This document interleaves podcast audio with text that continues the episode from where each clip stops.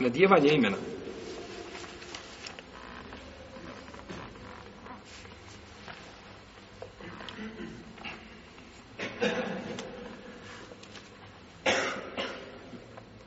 Braćo, ime je naslov čovjeka. Njegova lična karta. To je ime čovjeka.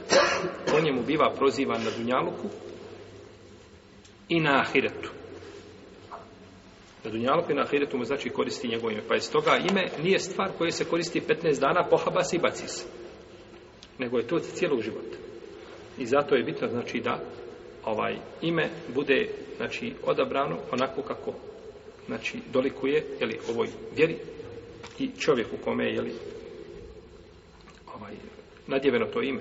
Pogledajte nevjernike kada uđu u islam, odmah prvo što mijenja ime. Ha. Je tako? Prvo što uradi, promijeni ime. I uzme ime, znači, neko koje, koje znači, odgovara čisto ili islamskim kriterijima. I zato je žalostno kada vidite muslimana, znači, poteko iz muslimanske porodice, a nosi ime. A, muško ili žensko nosi ime, znači, iz, iz muslimanske porodice, otac, ne znam, čisto muslimansko ime, tako majka, tako nena, tako djedo, cijela loza uzlazna, a on došao, o, ili ona, Julie, Suzan, Maja, Linda, e, nešto, nekakva znači imena ovaj, koje nikakve veze nemaju sa muslima, islamom muslimanima. U isla, islamska imena su znači jasna, sa jasnim, lijepim značenjima, a nikako znači nekako upakivanje znači imena ovaj a, to je znači neispravno. Pracu u Francuskoj ima zakon da ne možeš davati imena kakva hoćeš. Imaš a, spisak, tabelu imena i biraj se. A da ti dođeš nekakvim imenom da ga ti ovaj, ovaj, uh, uvedeš nešto novo, kakvo novo ime, on to ne dozvoljavaju, kaže, to ne odgovara našoj istoriji. Naša historija to ne prihvata i ne prihvata to naša tradicija, mi to ne može, ti nema kvariš nam ovaj, ti si izniman u tom društvu. Moraš dati ime kako odgovara našoj Pa onda smo mi preči tome, jel tako? Da mi kažemo da mi imamo, ne, imamo muslimansko imena. To znam gore i po zapad drugim zemljama, isto tako. Kada su neke braća sjela da radio Abdurrahman djetetu, to je bilo čitava zbrka po onim, onim matičnim uredima. Kako, šta je to Abdurrahman? Ne, ne može tako, to nema kod nas. Znaš što je to, jeli, ovaj, još ako kaže da se negdje piše s crcom, da bi to bilo kao sastavljeno iz dva imena, jeli, ovaj, u smislu genitivne veze i tako teško obje, neće da prihvate to. Mislim da je jedan slučaj čak još na sud. Neće da prihvate, znači imena koja su muslimanske prirode.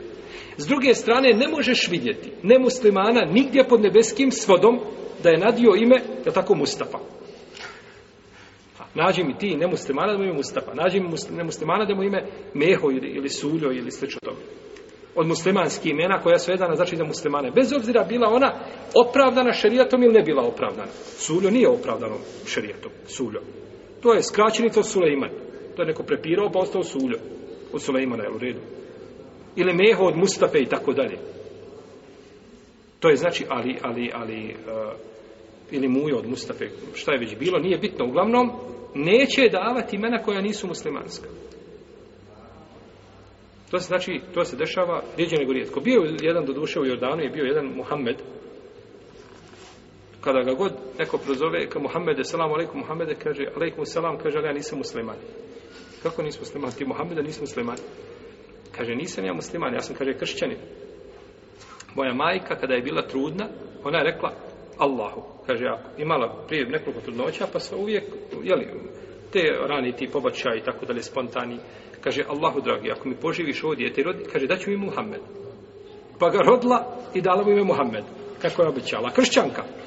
I on je Muhammed, ali on je, on kaže, ja, ja sam, jeli, on kaže, ja sam da kršćan, nije, nije musliman, jeli.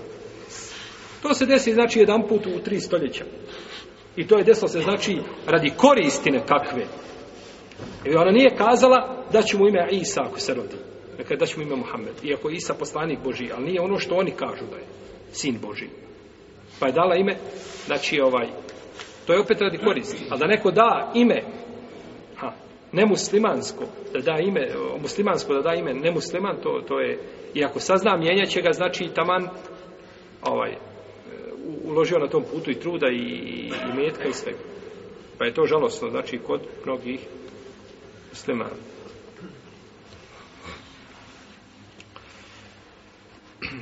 Ko ne zna, braćo, ime, kako treba da bude? Treba prije nego što to ime bude, znači, registrovano, da pita. Šta znači to ime? Je li to ime odgovara islamskim kriterijima, muslimanskim imenima ili ne? A nikako znači da nadje ime i kad to prođe svu papirologiju i proceduru, onda nakon toga se pata za glavu šta sad da radi. Pitaj poslaniku, sa sam donosili djecu i kaže, Allah poslaniče kaže, pa malo poslanik sam nadje ime.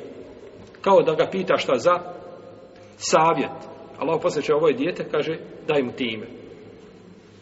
Pa bi poslanik sa osvijem nadjevao im ime. Nadjevanje imena je braćo vađib. Vađib i za muškarce i za žene. Islamski učenja spomnio, Ibn Hazm spomnio u dijelu, svome dijelu Maratibu Liđma, konsensus učenjaka da je nadjevanje imena vađib, da se mora začinati time.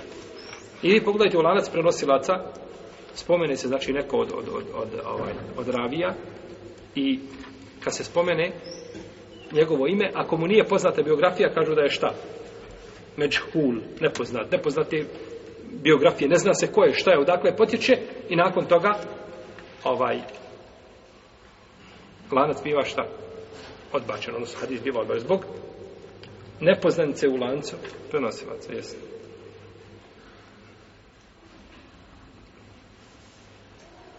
Kad se nadjeva ime? Ime se nadjeva braćo sedmog dana po rođenju ili trećeg ili prvog. O tome imaju hadisi. Ono što je potvrđeno kod Buhari i kod muslima jeste sedmi dan. A navode znači predaje i da se može raditi prvi dan i treći dan. I...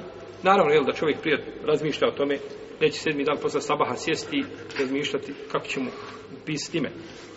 Nego znači razmišlja prije toga ali zvanično, znači da mu se nadjeva ime, biva ili prvi dan, ili treći, ili sedmi dan. Sedmi dan je možda naj, naj ovaj, potvrđenije u nevjerojstojenim hadisima od poslanika, sallallahu alaihi wa sallam.